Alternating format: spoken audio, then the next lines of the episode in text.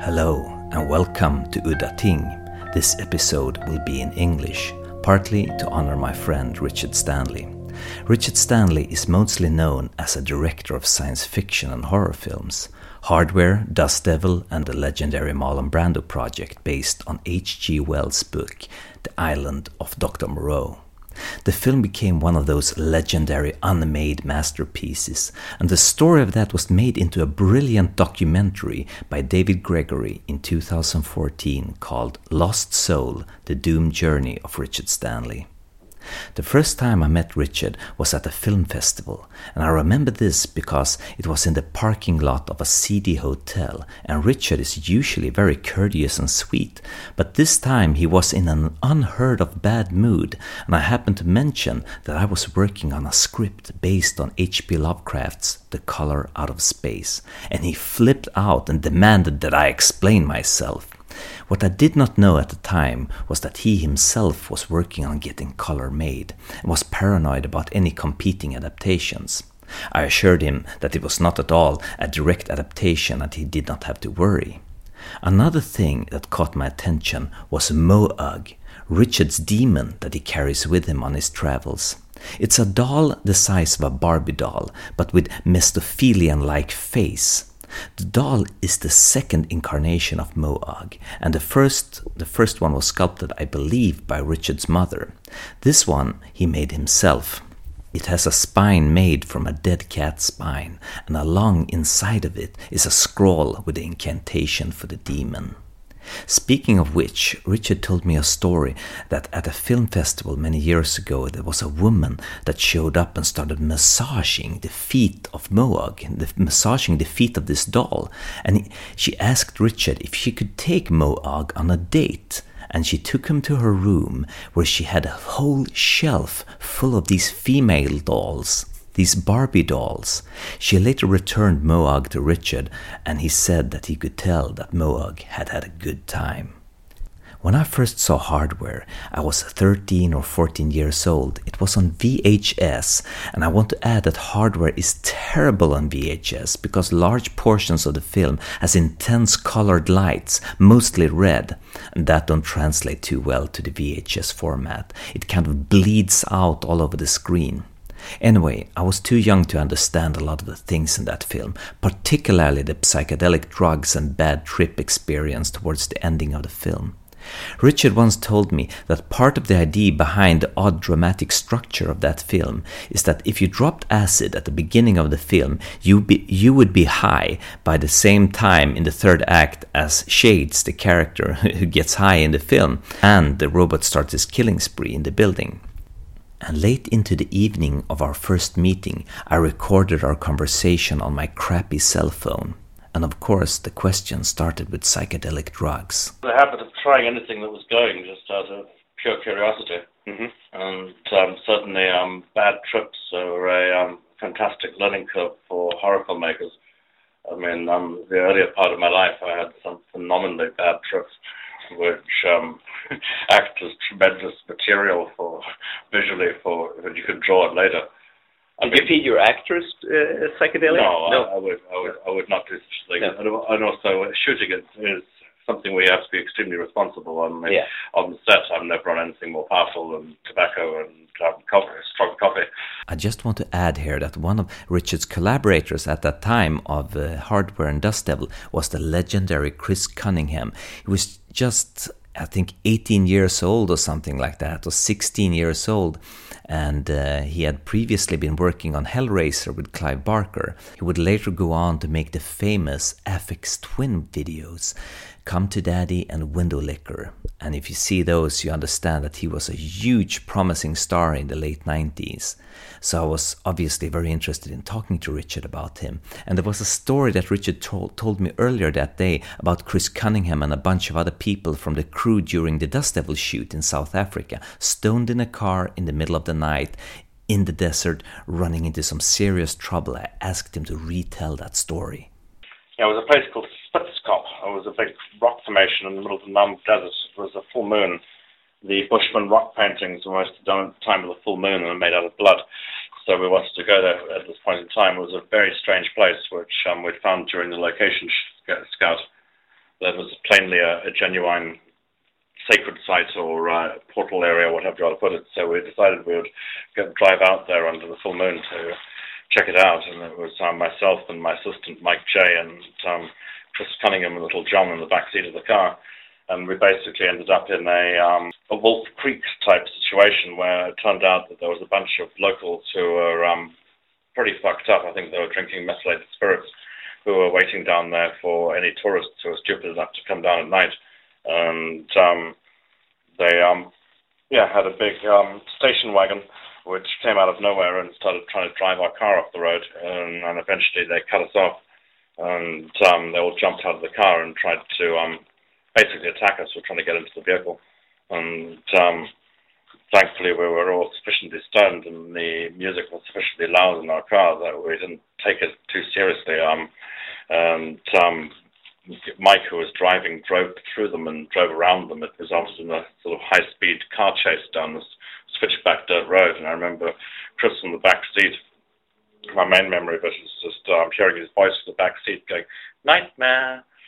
And they seeing those fucking headlights blazing down on us. and, uh, but you were all stoned in the car. Yeah, a little. So yeah, yeah. I, I, like, if it had been if it had been normal tourists, or if, it had been my mother yeah. or my sister or someone mm. coming down there, they'd probably have been killed and raped. uh, as we were all four guys, and we, bounced, we, we bounced back better. But at the same time, the other folk were definitely trying to get us. So there's no doubt that they were they had malicious intent. You had a lot of crazy incidents with, with Chris, together with Chris. Is there other stories? No, well, Chris is, a, you know, is a real artist and believes in what he's doing. I just don't think that he's like myself. He's, he hasn't found it very easy interfacing with Hollywood. Hmm. I mean, he never really, he was never really able to do the Hollywood act enough to be able to um, get the big movie that he was meant to get. I mean, it's always a shame that Chris didn't do Neuromancer. Yeah. The William Gibson story. He really wanted to do um, Scanner Darkly. Mm. The Philip K. Dick story. Yeah. That was his dream. And, um, he wanted to do that film. Yeah, his big dream was Scanner Darkly. He really wanted to do that. And, um, and unfortunately, Richard Linklater ended up doing it. Yeah. Pretty um, bland. Mm. Great book. Yeah. And um, yeah, I didn't care for the movie much. No. And, um, but yeah, I remember for years and years and years that was the film that Chris wants to make. Just turned 16 on hardware. How did you uh, how did you find him? Did you knew, knew him before he showed up uh, at was, an audition? He was working already. No, he was working. He'd already been working on many movies. Even at 15, he'd already been working on Hellraiser, on doing the the pinhead makeup on the first Hellraiser. Okay. And um, he'd also before that worked on some very terrible movies. He'd worked at Rawhead Rex, uh-huh. and um, was working out of Image Animation in Pinewood the um, after the Creature Shop at Pinewood Studios. Um, the first I saw of his work was the graffiti in the toilet in the toilets at the uh, at Pinewood. Okay, what was the graffiti? Well, there was some really insane, um, beautifully airbrushed, um, totally demented sort of fist fucking graf- graffiti with people turning each other inside out and stuff painted on the doors. it was like wow completely obscene, but really beautifully airbrushed and finished yeah. graffiti. Um, yeah, this was Chris's work. It was the first I saw of it before I met him. Have you any plans of teaming up together again? Not unless one of us is able to get some, uh, get a budget. Yeah, of course. Our main problem is that none of us have been able to um, afford. Uh, we, we haven't been able to afford to do anything for years and years. Yeah. Everything is on a, uh, a prayer each time you know, Mother of Toads was made for 20 grand, uh, so we haven't really had the um, the budget to make a proper movie. Mm. I mean, for um, Color Out of Space, I'm looking for um, just over a million, which is more like, a, for me, a proper budget. Then Richard started giving me the pitch for The Color Out of Space, which to this day might be the best pitch I've ever heard. And if I was a producer, I would have immediately given him the money.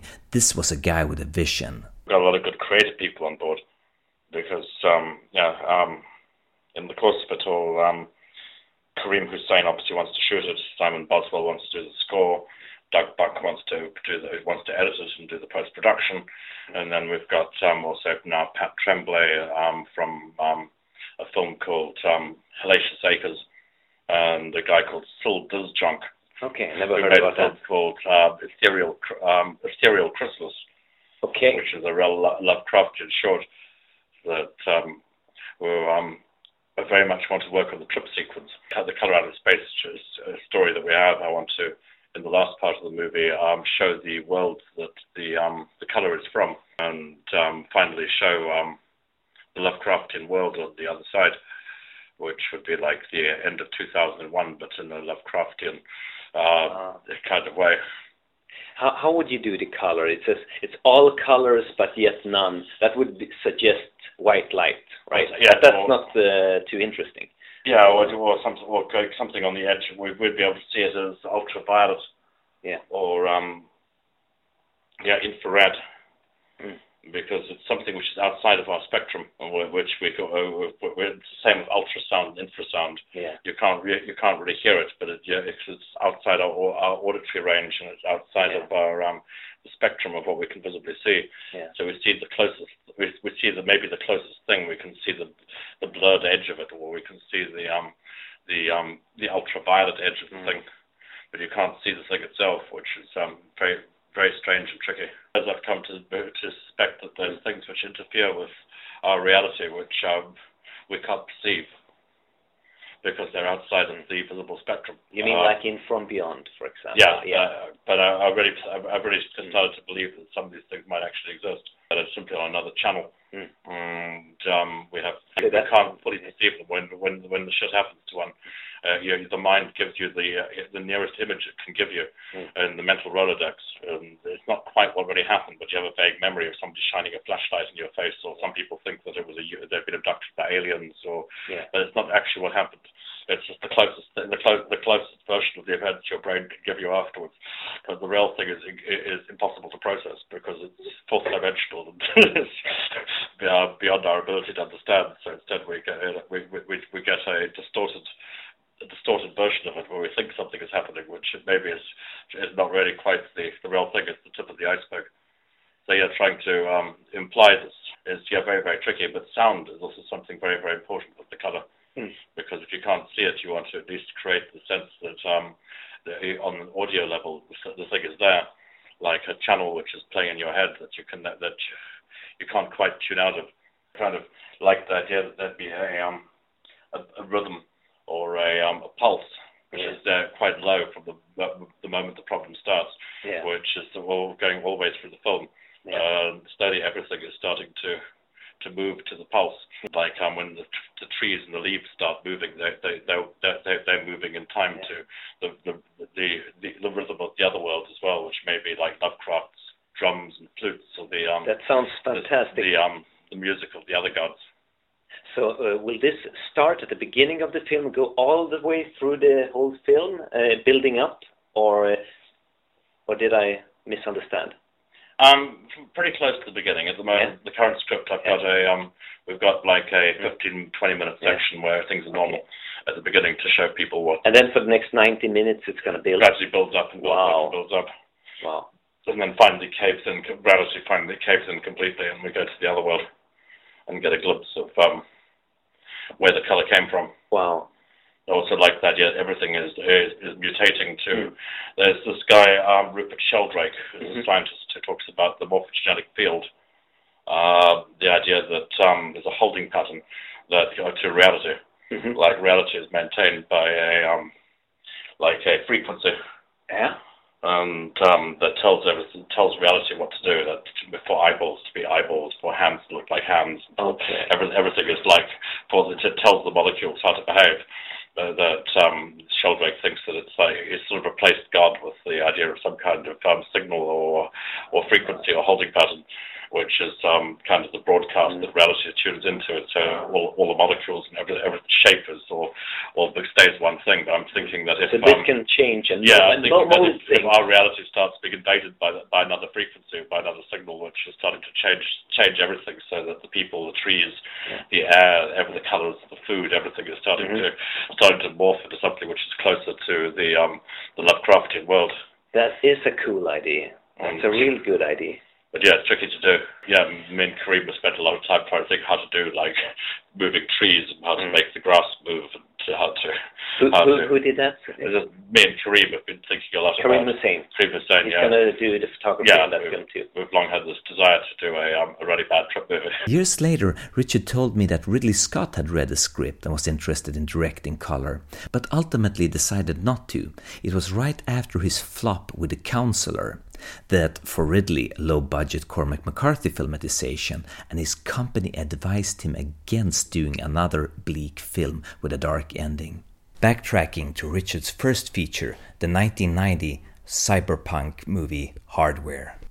How did you come up with the story of Hardware? The hardware evolved for a long time because I was always very frightened of the future.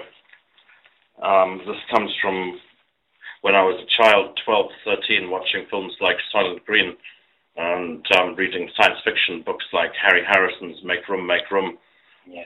books about dystopian futures where um, the Earth's natural resources will run out, where um, there'll be overpopulation, and um, where um, we'll be living in the guts of some fucked up future city. I think um, probably Blade Runner was the first movie to give us a realistic future city, Yeah. or some realistic sense of what that world might Yeah. be like. But from a very early age, I was very frightened of the idea that I was growing up and to, to live in this place. All the sci-fi books I was reading were set in the year 1999 or the year 2000, and I knew that I would be forced to look through these events. So I was very apprehensive and thinking about this world for a long time. And the 80s was uh, the atomic threat. Yeah. Did that have something to do with it? Um, it sort of floated around, but hardware, um, it's, uh, I don't think it even needs a nuclear war. No. I, I I think that it's just natural attrition that, that, that the world will just get could just get worse in any number of different ways. You don't really need World War Three or the big one or um, some kind of after the apocalypse to No. uh, to get there. And the hardware world is still functioning. Where I always wanted to imagine it would be a world where there'd still be tax, where there'd still be welfare, where there'd still be an elected government, where um, things haven't completely broken down like Mad Max or um, The Ultimate Warrior. No. Um, but it's just um, everyone's living a lifestyle which is pretty appalling by um, contemporary standards. Of course, now we are actually living in a world which is much closer to it.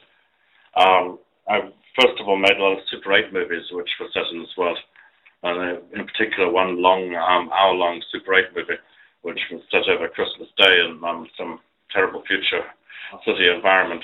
When did you do this film? The Super Back, 8 film? back when I was um, 15, Okay. and um, this film has no killer wardroid in it No. but all the other characters are there. Um, Jill is making scrap metal sculpture. Um, Mo is, has, has a missing hand. Um, Okay. Shades is working Ah. for the Industrial Space Program, and the characters are all the same, and the world they're in is very similar. But um, it's more like um, the style of it is more like Fat City, or um, by John Huston. It's, more, it, it's a very depressing movie because uh, we realise that these characters are doomed, and that the world they're in is uh, Yeah. in very, very bad shape. And um, initially I tried to um, get a more ambitious science fiction script made, a film called Eclipse. And um, none of the producers liked it. And they were, it was the time of Alien and Terminator. And everyone kept saying the same thing, that if you could put a killer alien or, a, or an android into the movie, Hmm. then we would give you the money. So finally I um, sat down and I wrote the hardware script very quick. I thought, okay, I'll, well, I'll give them what they want. I will put a, a monster in this movie which Yeah. will destroy the characters. We'll keep it in one location and um, made a um, a film which was yeah, in more in the style of what was going on at that period, more in the style of, of Terminator Alien. But what was uh, Eclipse about? It was the story of it was the story about Shades, the next door neighbor, Yeah. and was set on and it's set in space, and the um, it was set on a orbital space platform. Ah. I wanted to do a haunted. It would have been closer to Event Horizon, I guess, because it wanted to be a haunted house in space movie. The film was a big success. A hardware sequel would seem obvious from a producer's point of view. Um, ever since we made we, since the day we made hardware, um, Miramax controlled the rights to hardware, and I've never been allowed to um, do anything more with the movie. Couldn't you just change the name or something? The problem is the, the various producers always lose interest the moment they say, "Well, it's called Day of the Droid" or um, Ah, okay. Ground Zero, or Yeah. give them a different title, and they, they always want hardware too, Yeah. or the hardware re- remake. If you can't give them the title, Yeah. then um, they suddenly lose interest, even if it's exactly the same, which is um, very fr- very frustrating. Well, what, what about Miramax? Can't you get them to do uh, sort of a sequel? Well, this, this thought goes around. Hmm. maybe in another couple of years. And um, yeah, cause they're, they're so greedy that um, they would probably like the idea of doing a reboot just to um, make more money out of the thing. Yeah. But yeah, it's been very frustrating trying to get access to it. The sequel script has lain around for about 20 years now. And, um, it's still a much better script than the first movie. And um, I put it on the internet because I was tired of no one being able to see it. And I put all the screenplays on the internet. So the original Dr. Moreau screenplay and the hardware sequel screenplay are on the internet. So you can so you can download them. Yes, you can download Wow. them because I got tired of people not knowing what was what these movies were about. Ah. So then it was possible for if people want to read what the Island of Dr. Moreau was meant to be, they could download the original screenplay and Yeah. see what we were doing. Which um, Was was it your idea to uh, to cast Marlon Brando and Val Kilmer? What, did you want these actors to play in that film? um, Marlon Brando, yes. Yeah. In the very, I mean, in the very initial conception, no, because Moreau was younger in the very first, the very first draft of the script. When I first started thinking about it, I imagined Moreau more like um, Yeah. Timothy Leary crossed with. Um, there was a um, If you changed that character, uh, if you, if you directed that film, how would you like Brando to act? How how how would uh, your direction of Brando's character? be? Well, I would have given him some more dialogue. Like, he doesn't have enough to do, no. um, which is a shame because he's such a great actor. Yeah. That um, he hasn't got time to. Uh, I'm, I'm sorry, he hasn't got any great monologue. No. That he hasn't got any one scene where he um, explains what he's about. Yeah. Um, there's a bit in the, the, the Wells book where um, the castaway is completely horrified by everything he's seen on the island. Uh, uh, Moreau looks at the castaway and says, "Well, I take it you're an atheist then." hmm and we suddenly realize Moreau's got some religious values, uh, which just completely spins my mind every time when we get to that point in the book where he's freaked out and Moreau say, "Oh, I guess you're an atheist." But, so, but uh, Moreau's quite a, a complicated character, and he's obviously trying to make a better world. Uh, I was very intrigued by people like there was a guy called Dr. John Lilly Mm. who did a, lot of experimentation on dolphins for the American military Okay. and um, who's um, Day of the Dolphin is based on Dr. Lilly's work, and um, he was obsessed uh, with dolphin communication, cetaceans, animal exp- uh, intelligence. But by working for the American military, he also um, dissected hundreds of them, stuck electrodes in hundreds of dolphins' brains and things. Uh, as Dr. Lilly himself said, what he eventually did for the U.S. government was he was making a, a death camp for his friends. He was, um, although he was fond of animals, he was, was creating something which was an absolute fucking nightmare. And um, I like the idea. But he was an idealist. Anyway, Yeah. yeah. I like the idea that Moreau, is, as well as an idealist, is a vegetarian, that he's Yeah. trying to create a utopian society Yeah. that is um, a peaceful man, and he's dreaming of a, a better version of Earth. Mm. He's also soft-hearted in a, way, in a weird way. Yeah. That, um, that um, in some way, Moreau's island is a utopia. And it, as in the Wells book, it really only goes to hell when Moreau dies. Yeah. Um, the lead character gets it wrong when he first arrives because he thinks that Moreau is oppressing the, the beast people, and that the beast people are humans who have been mutated or have been experimented on, but in fact they're they're new creatures that have been Hmm. newly created there, and um, they they love their master. The beast people adore Moreau and worship him as their their living, their living god, and then he kind of goes into free fall when he's taken away. I'm curious, how do you, after two low budget genre films, the latter not a financial success, was thrown into a $75 million epic with Marlon Brando? Uh, yeah, but uh, everything in my life is a series of accidents.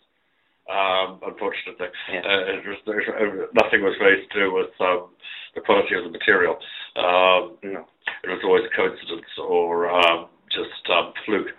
Yeah. But um, I was very desperate to finish Dust Devil. Yeah. I needed to sell the script to make the money to do the post production on Dust Devil.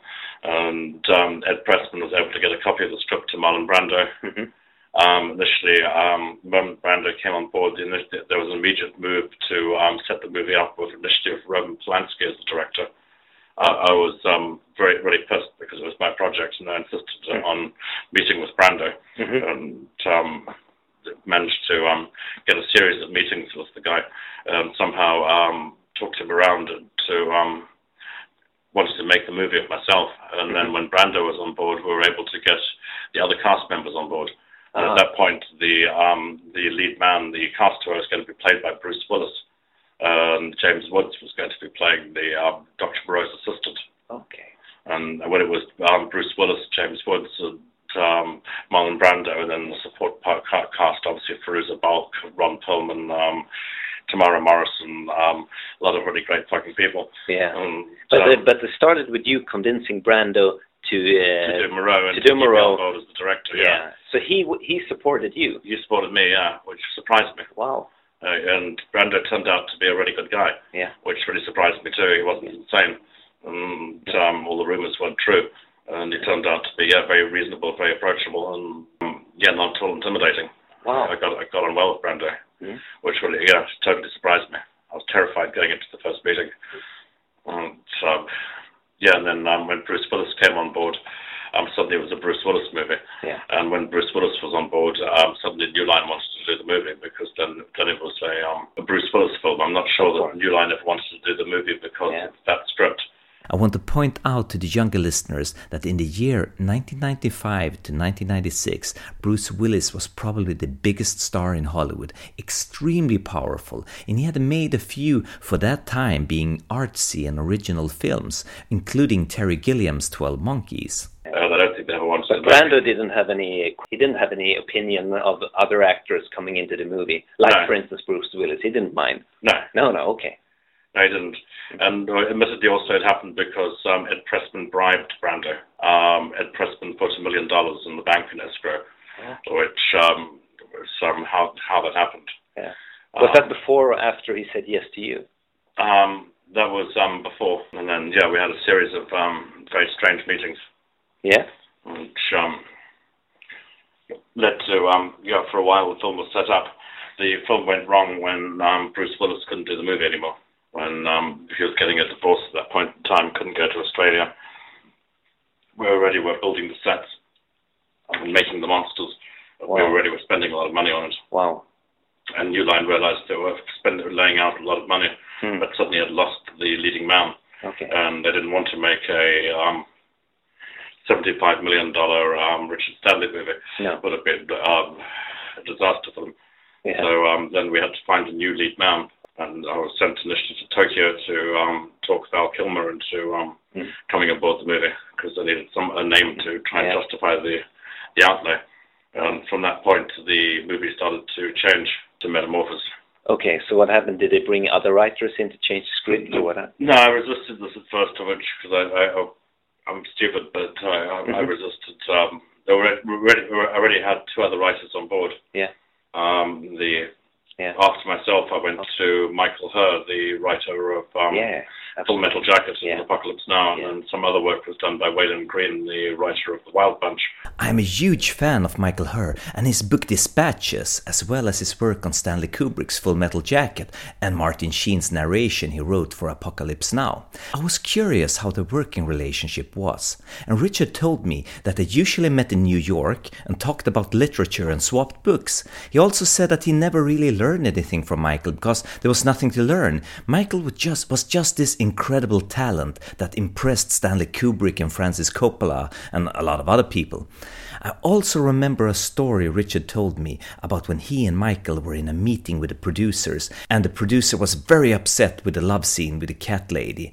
And all of a sudden, there was a guy committing suicide from above, falling past their window as they're talking, and they look down at the pavement in the street at the dead body, and the producer is just raving on and on and on how tasteless this scene in the script is, while the janitors are mopping up the blood in the street, and Richard and Michael are just looking at each other. Yeah, uh, that'll never happen to me again. But um, reading that first draft was nice. He did it very fast as well. He was very well paid for it. And, um, I realized I realized I was in the presence of greatness with um, Michael. I mean, he, he did a, he was obviously immeasurably better at um, much better writer than I'll ever be. In awe at what he did. So um, we really had such, for me, the Yeah. greatest writers in Hollywood. Yeah. So I didn't have no desire to um, to change anything. Yeah. Mm, But you, so- you said you resisted. You you uh, you said you should have uh, let other writers come in and. Well, uh, maybe I should have. I should have simply quit the project earlier. It might have made more sense if I'd if I'd quit the project right at the beginning and Mm. um, said, "Yeah, get Roman Polanski to do it," and got the hell out because it was obvious with. with uh, so, Ro- so Roman Polanski wanted to do the film. uh, there was a point when um, Roman Polanski was connected to it, Wow. and I think he would have done a better job than John Frankenheimer. Yeah, absolutely. Mm, Absolutely. um, so maybe I yeah I should I, I hung on too long on the project. So that might have been a good career move for you if uh, Roman Polanski would have done the movie instead. Yeah, I, I should maybe have um, let go of the project earlier. Yeah. I should have realized earlier that this was never going to happen. Yeah. It's too bad because I wanted to see the film directed by Richard Stanley. Yeah, me too. But so, and I, and I wanted to see the film, the, the, the, some of the scenes that we had um, that we had created for it that um, obviously were never going to get made. But um, some of the things that happened in that movie were, were so appalling that um, the um, the cat lady, the Fairuza Balk character, Mhm. was gradually turning back into an animal, Okay. And um, she was always kind of an animal. Mhm. Um, when they, they had a sex scene in the original script, of course, every movie I make always has some sex. Mm. Uh, this disappears as the Frankenheimer film, but Yeah. um, when um, she takes her clothes off, he realizes that she has six breasts, she's furry, she has a tail, uh, she's un- underneath the clothes, Yeah. her teeth are pointy, she's got funny ears, and her eyes are funny, but she she shaves and depilates on her face and hands, so she looks she looks more um, Human. more human, but when she gets undressed, she's not, she's not, not, not, at all- not at all human. And then after Moreau dies and she stops getting her, um, uh, her, her supplements in the diet, she starts to change more and more and more and starts to lose the power of speech and become, becomes more and more of a, of a creature. Wow. But he, go, he goes on, he, the the lead character remains very fond of her and she remains very protective of him, even though she turn, she's turning into a monster. I thought, okay, this worked in the fly that we should be able to um, we should Yeah. be able to do this. But there was a huge amount of resistance from New Line on the idea of the female lead being a monster, Yeah. being um, and, and the fact that the characters were still sleeping together Yeah. was um, something that um, I guess was too unsettling for them. There was a fair amount of this because Yeah. about the Val Kilmer character, the Mon- Montgomery's character was also fucking the piece of people. Yeah. And um, indeed, in one version of the thing, he had his dick bitten off by the pig lady. Yeah. But, uh, Wow. but yeah, he was getting a blowjob at the party at the end, whether you get the these people finally eat him. And there's the storyboards. You can see the pink lady with the blood dripping down her, her mouth, looking looking kind of happy. Wow. and, um, So there's a storyboard of the beast lady eating Val, Val Kilmer's penis. Yeah, there's a story. The secret is a storyboard. Yeah. Said enough, but um, but, not, but not shot. Wow. That would have been something. And the, the animals were on drugs as Yeah. well, because that, that also happened story there too, was that the animals were out there. The animals were given the drugs. If you made this picture, can you imagine what a unique movie that would have been? Would have been that would have been, I mean, the ultimate cult movie. Would have been pretty out there. Yeah, really. Yeah, I mean, the, Especially done as a seventy-five million dollar movie, that would be, would have been. I mean, in time, this could have been a masterpiece. it one was of the pretty great insane. I mean, it was pretty insane. Yeah. Um, the the first sequence in the movie, uh, in the script and Yeah. the storyboard, uh, we started with um, the sequence with uh, initially you see a dog rolling on the grass, and then we see the Bruce Willis character years later, um, who's leaving the message as a, Mhm. uh, he's recorded the story on his um, on his dictaphone, Yeah. and he's cleaning his gun, and I wanted to have to start the movie with the Bruce Willis character committing suicide. Okay. I, I thought if I could have Bruce Willis like stick a gun in his mouth as before the opening credits of the movie, Yeah. Wow. this would like let people know that it was going to, the film was going to Yeah. misbehave. Yeah, the the sequence uh, that um, I most miss is when at the end of the film um, there was a section where he had to fight the hyena swine. Mhm. The hyena swine took over the island, uh, who became the um, dies, and um, Montgomery tries to run it as a um, democracy, and that fails, and then it becomes a, um, a dictatorship, and the hyena swine makes himself the um, the god king of the island, and um, uh, just kills the sayer of the law, and gets rid of the, the, the law of the beasts, and instead replaces it with the Aleister Crowley maxim, do what you will as the whole of the law.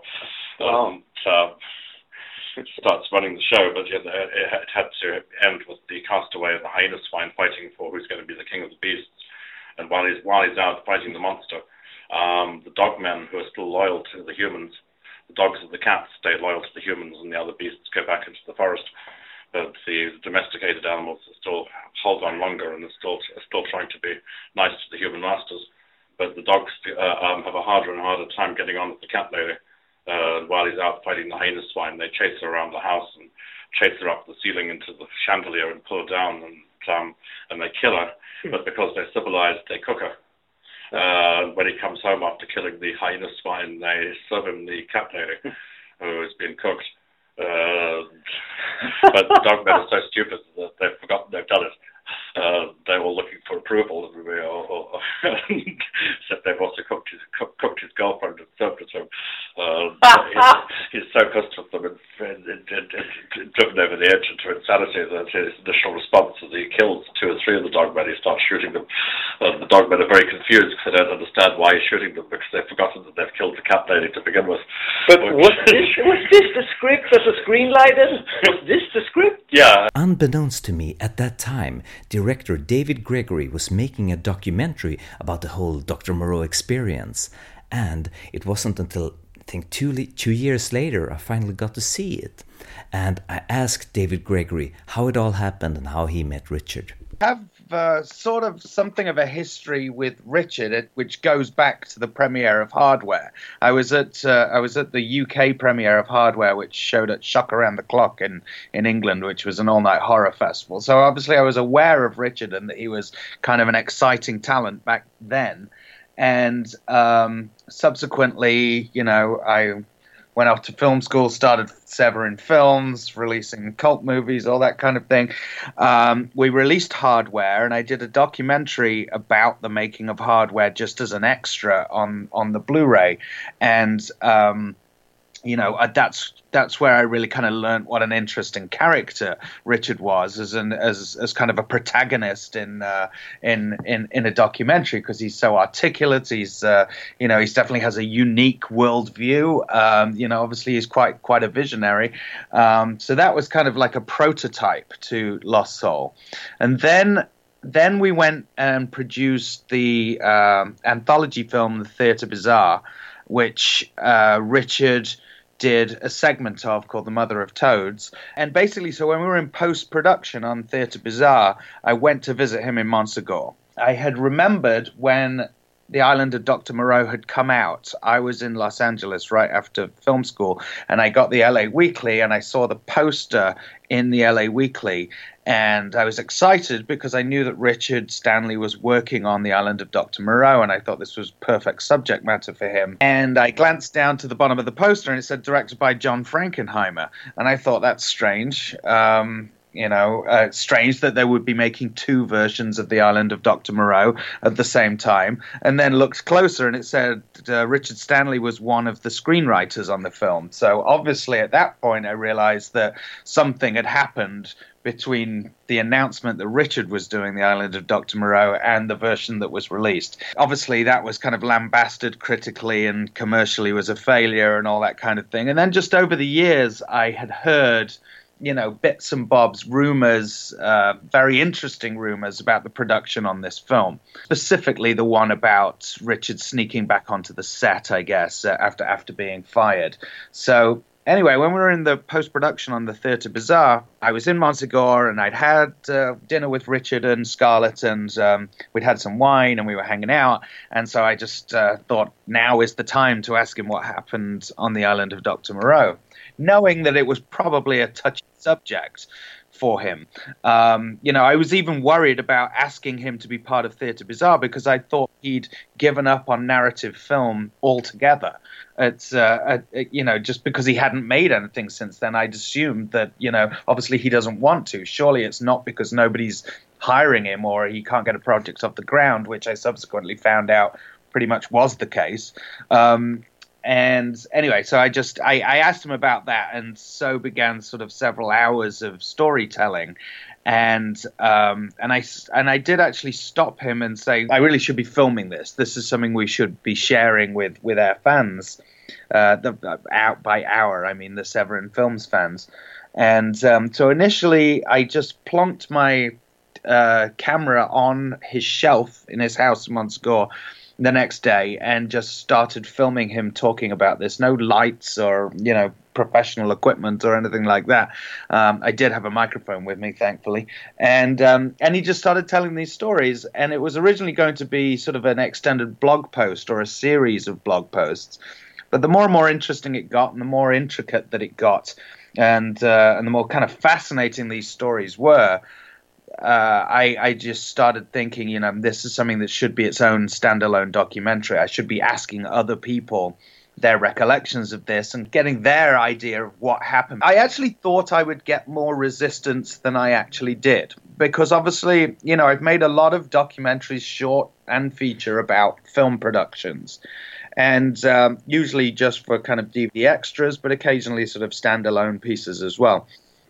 And usually, if there's controversy, um, particularly if it's a studio film and you're dealing with people who are still active in the business, usually people are, are reluctant to talk about a, a, controversial production in any kind of detail. You know, they might just sort of laugh it off or say you should ask somebody else about that or I don't want to be a part of it more frequently.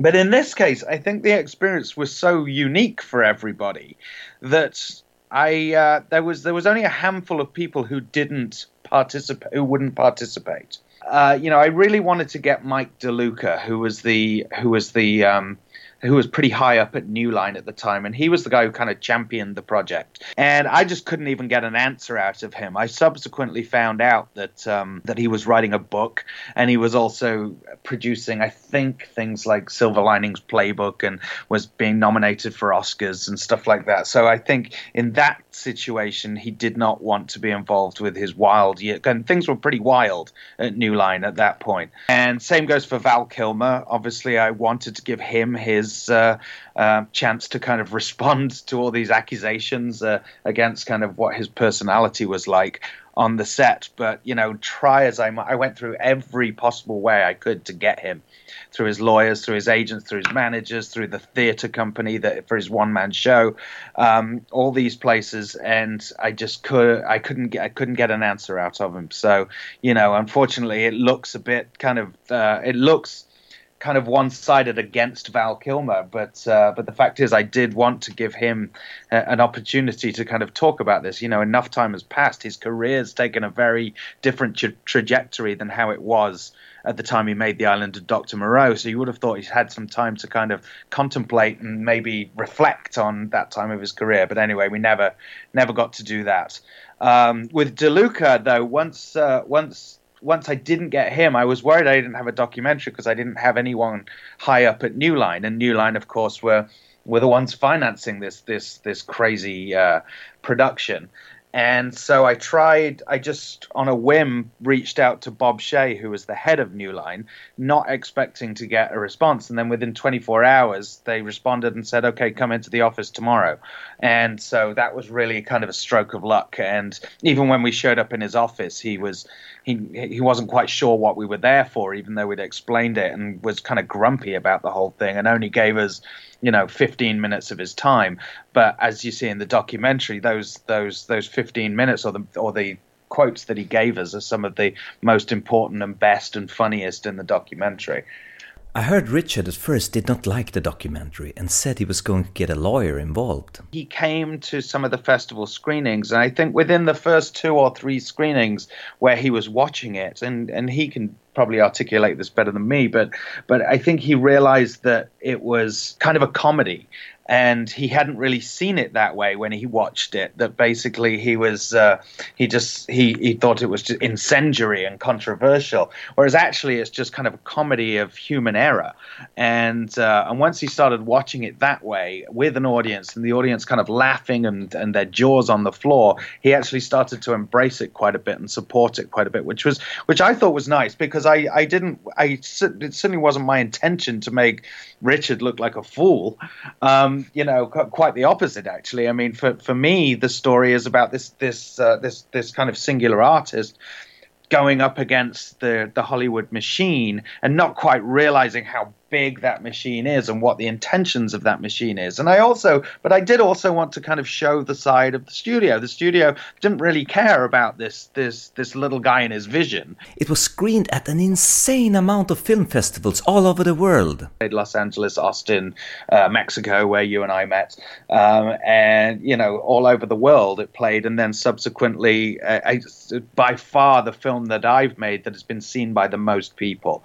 You know, it's it's one where I actually meet people who are not genre people and they've seen it and like generally tend to like it, which is which is very nice. Um, I actually even had at the LA premiere people from the Brando estate approached me afterwards, uh, which was a bit nerve wracking because I, it was almost like I was surrounded when I was walking out of the theater and they started handing me their cards. And I thought, uh oh, uh, have I got a lawsuit on my hand or something? And but actually, quite the opposite. They they were very happy with it. They thought that the portrayal of Marlon Brando was was fairer than than most documentaries that that involve Marlon Brando. So you can only imagine, you know, how stories are of Brando on, on other movie sets. Uh, but they, they but they were amused because it showed it showed the playful side of Brando, which if you're a producer is a nightmare. But anybody else just what what a, what a wild prankster Marlon Brando is at everybody else's expense. Here, the interview cuts to a newer conversation five years later, done over Facebook's voice chat rather than live with a cell phone, and ironically, the sound quality is much better. So, your autobiography, have you finished writing it? No, because I'm st- I've been stuck writing about Dr. Moreau. uh, the publisher insisted there had to be a section on the island of Dr. Moreau. So I, I, sat down and embarked on write, write, writing uh, an, an, account of the Moreau years. It was partially because I took the decision that if I was going to write it, I'd have to write it in a, in a way that was um, a, diff- a, different form from uh, from from Lost Soul, the David Gregory movie. So I've been writing it like a Joseph Conrad novel uh, haven't um, been able to complete the thing just because it's um, reached a um, an unpleasant level of complexity. How do you mean? The entire thing is um, ridiculous in some level. I don't think anything like it's ever happened before in um, in the history of show business. To sit down and try and and try and make a movie like that, and start off as the writer director, then through a series of um, of reversals of fortune to end up being a dog, a character in the movie, um, trapped in a, a, fictional world which has somehow overwhelmed your own world, and um, become infinitely more powerful. By, by, the second part, I've got you know Moreau is way more powerful than me, but so is the hyena swine, which um, the fictional creation, creations, um, yeah, refuse to um, remain fictional then um, what happened in, in real life was that I, as a result of that, I ended up becoming then a, um, a character in um, David Gregory's documentary. The documentary then ended up um, winning more fans than the original movie. Now the documentary is causing the um, the movie to um, to get made again, uh, to to come back to life. Uh, if it then goes full circle and we actually make the movie, uh, I'm not convinced that there's there's been any other comparable journey from page to screen of of, of another project. Uh, a, a, really fucked up 25 year process. Which um, it's it's clearly not over yet. I think it would be nice if the film got made, just from the point of view that it would then be it's such a strange fucking arc. Watching David Gregory's documentary Lost Soul, people commented on you not showing up to meetings with the studio heads. Is that true, and if so, why? Uh, I've always suffered from not having a driver's license. Moreau was again one of those situations where geographically it was extremely, it was increasingly spread out. The different bits and pieces got further and further apart. We got further and further away from the um, the production office in Cairns. Uh, and there was less and less reason to um, to go back into Cairns my inclination was to yeah stay with the um to stay in the rainforest and to stay with the um the the set and the beast people. And yeah, when I did have an assistant driver, um, which was Kate, my girlfriend, she got bit by a flesh melting spider. Kind of wasn't taken into account fast enough. I don't think that in the the opening week of shooting that um, production um, really um, perceived that um, Kate being bitten by the spider was an issue. But in point of fact, she she was bitten by a poisonous spider about two days before the um, before the um, the film started. And um, it's also symptomatic of the balance of power between um, myself and and Tim Zinnemann, the line producer. I've spent a lot of time in the in the book on the uh, on day one because um, there was obviously a, a mismatch between um, the way I was seeing things and the um, the way everyone else was seeing things. It's like um, the first scene we try and shoot on day one, a castaway wakes up on cabin in cabin on freighter. As he comes around, notices various disturbing things, um, all the um, different boxes and supplies that are going to the island of Doctor Moreau. Plus, the guy's got like a a, a, needle in his arm and some kind of um, IV feed, which is pl- plugged into one of his veins, and he has to extricate the IV needle from his arm and um, get get out of the bunk. And then he's hearing uh, this um, inhuman voice, which is actually the voice of M'ling, the dogman, um, reading in the background. Um, what turns out to be that he's, um, he's reading um, Shakespeare's Tempest. But we hear the voice coming from somewhere on deck and the screams of other animals. And um, eventually, the castaway manages to get out of the bunk and pushes open the door and stumbles on deck. And then the deck is full of um, different captive animals in cages and shit and garbage. And he walks between the, the cages of the terrified captive animals um, towards the sound of the voice and then sees that there's a man reading from a book sitting next to the puma cage and approaches the figure and the figure turns and it's it's a dog man it's not a, it's not a human being and um, it, its face is so grotesque that he, he backs away in fear and almost bumps into um, Montgomery, the Val Kilmer character. The, Montgomery then says a couple of reassuring things to try and calm him down, but he then notices that Montgomery's got a hypodermic needle in one hand of a sedative that is, is trying to inject him and, that, and backs away again in fear. But um, yeah, in the way the scene is constructed, um, Val Kilmer, um, Montgomery only um, literally um, emerges towards the end of the sequence. And the lead character literally backs away and like bump, like bumps into him. So my focus of interest is like the the freighter and the um, the wild creatures, and then the the build up to the reveal on the beast person on M'ling, and um, the um, the dog person, um, yeah, reading Shakespeare. Um, whereas from yeah Val's point of view, the scene is all fucked up because um, his character's like arriving late in the scene and has a totally undramatic entrance. Somebody else like bumps into him. Um, the other character is, is reading Shakespeare, not him. M'ling's uh, got like this whole like fucked up John Merrick style Shakespearean monologue Whereas um, Val's character's got like a few lines like, "Oh, hey there, buddy, it's okay, don't worry." Uh, uh, but Val's character's Doctor Moreau's fucking assist, creepy assistant. And when I'm staging the scene, I, I, the scene felt to me like it was about the um, the Beast People and the um, the fucking dogman. Um, reading from Shakespeare, which um, baffled Val and the producers because they thought the scene was about Val. Yeah, but he he agreed to this change himself. Yeah, it's because he wanted to spend less forty percent fewer shooting days on the movie, so he moved him to the with the um, the part of the assistant. But then he forgot that he was now the a support part and immediately wanted to um, be the center of it. So um, first of all, he couldn't understand that why the other character was reading from Shakespeare and not and not him. Then he thought that having the the, the dogman there, the, the dogman's makeup was too extreme, uh, uh, too attention grabbing. Um, then he was concerned by the fact that the character of the freighter captain um, was played by Bill Hootkins, who was um, playing the part in a vest, which um, made Bill's um, stomach very prominent. Uh, uh, Bill's character also had tattoos, and he had a, a tattoo of fucking Stalin on his chest, which freaked Fat out he thought that um, that he couldn't possibly play the scene with a werewolf and a, um, a fat man with Stalin tattooed on his chest.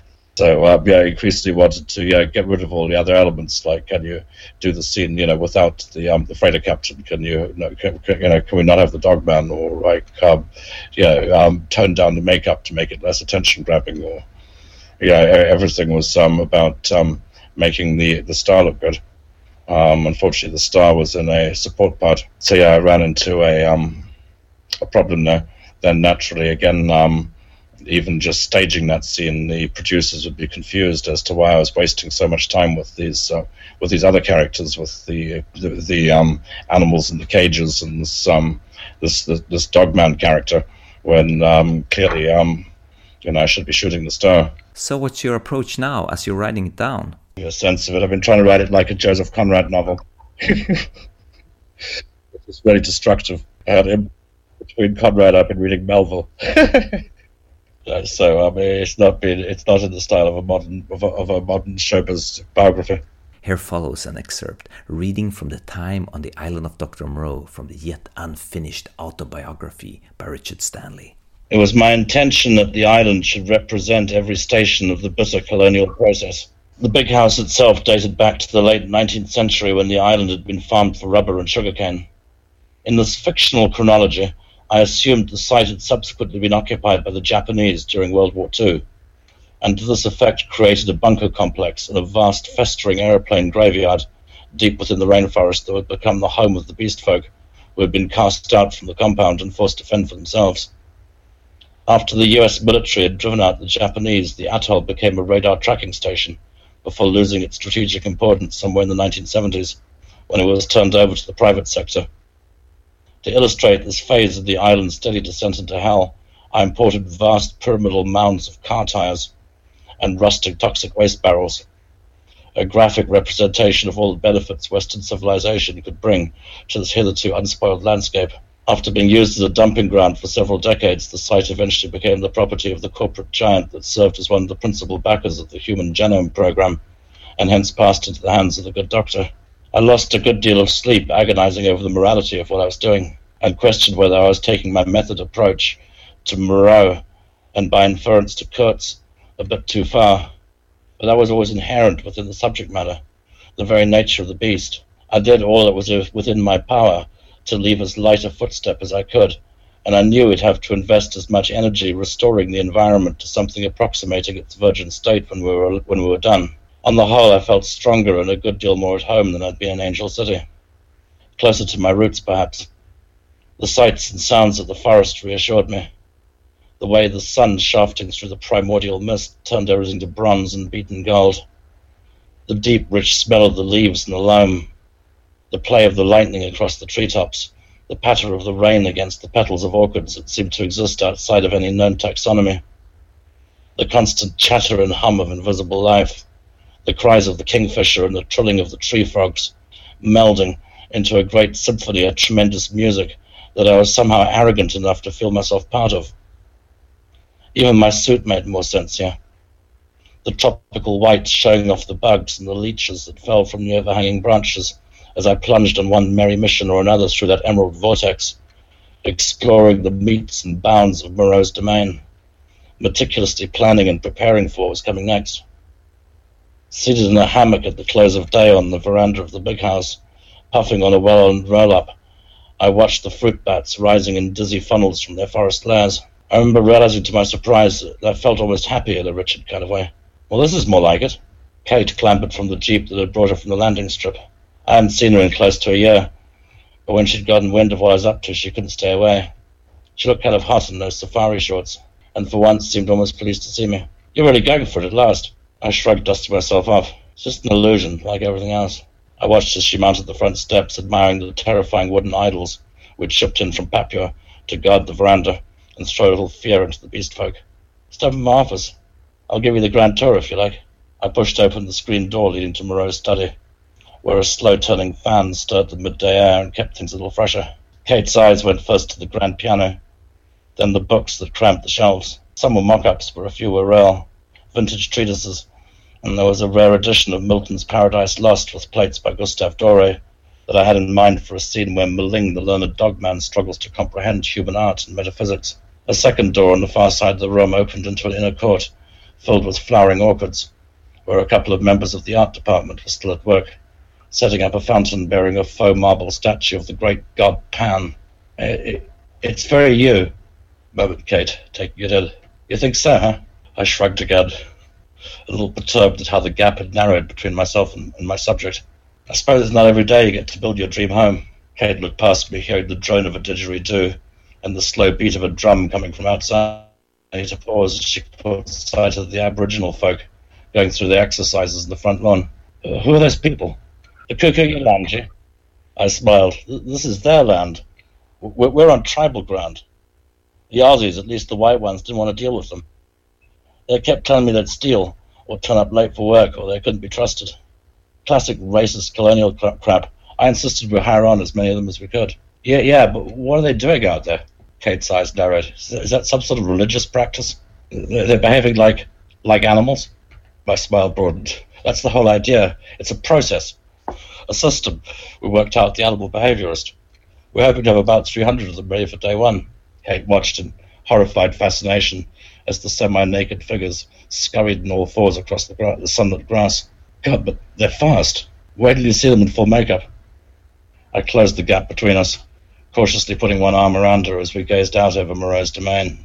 I could tell Kate was a little phased by the sheer scale of what had been conjured from the forest, but its enormity clearly impressed her, enough that she might have imagined for a moment that I was actually worthy of her fickle middle-class affections.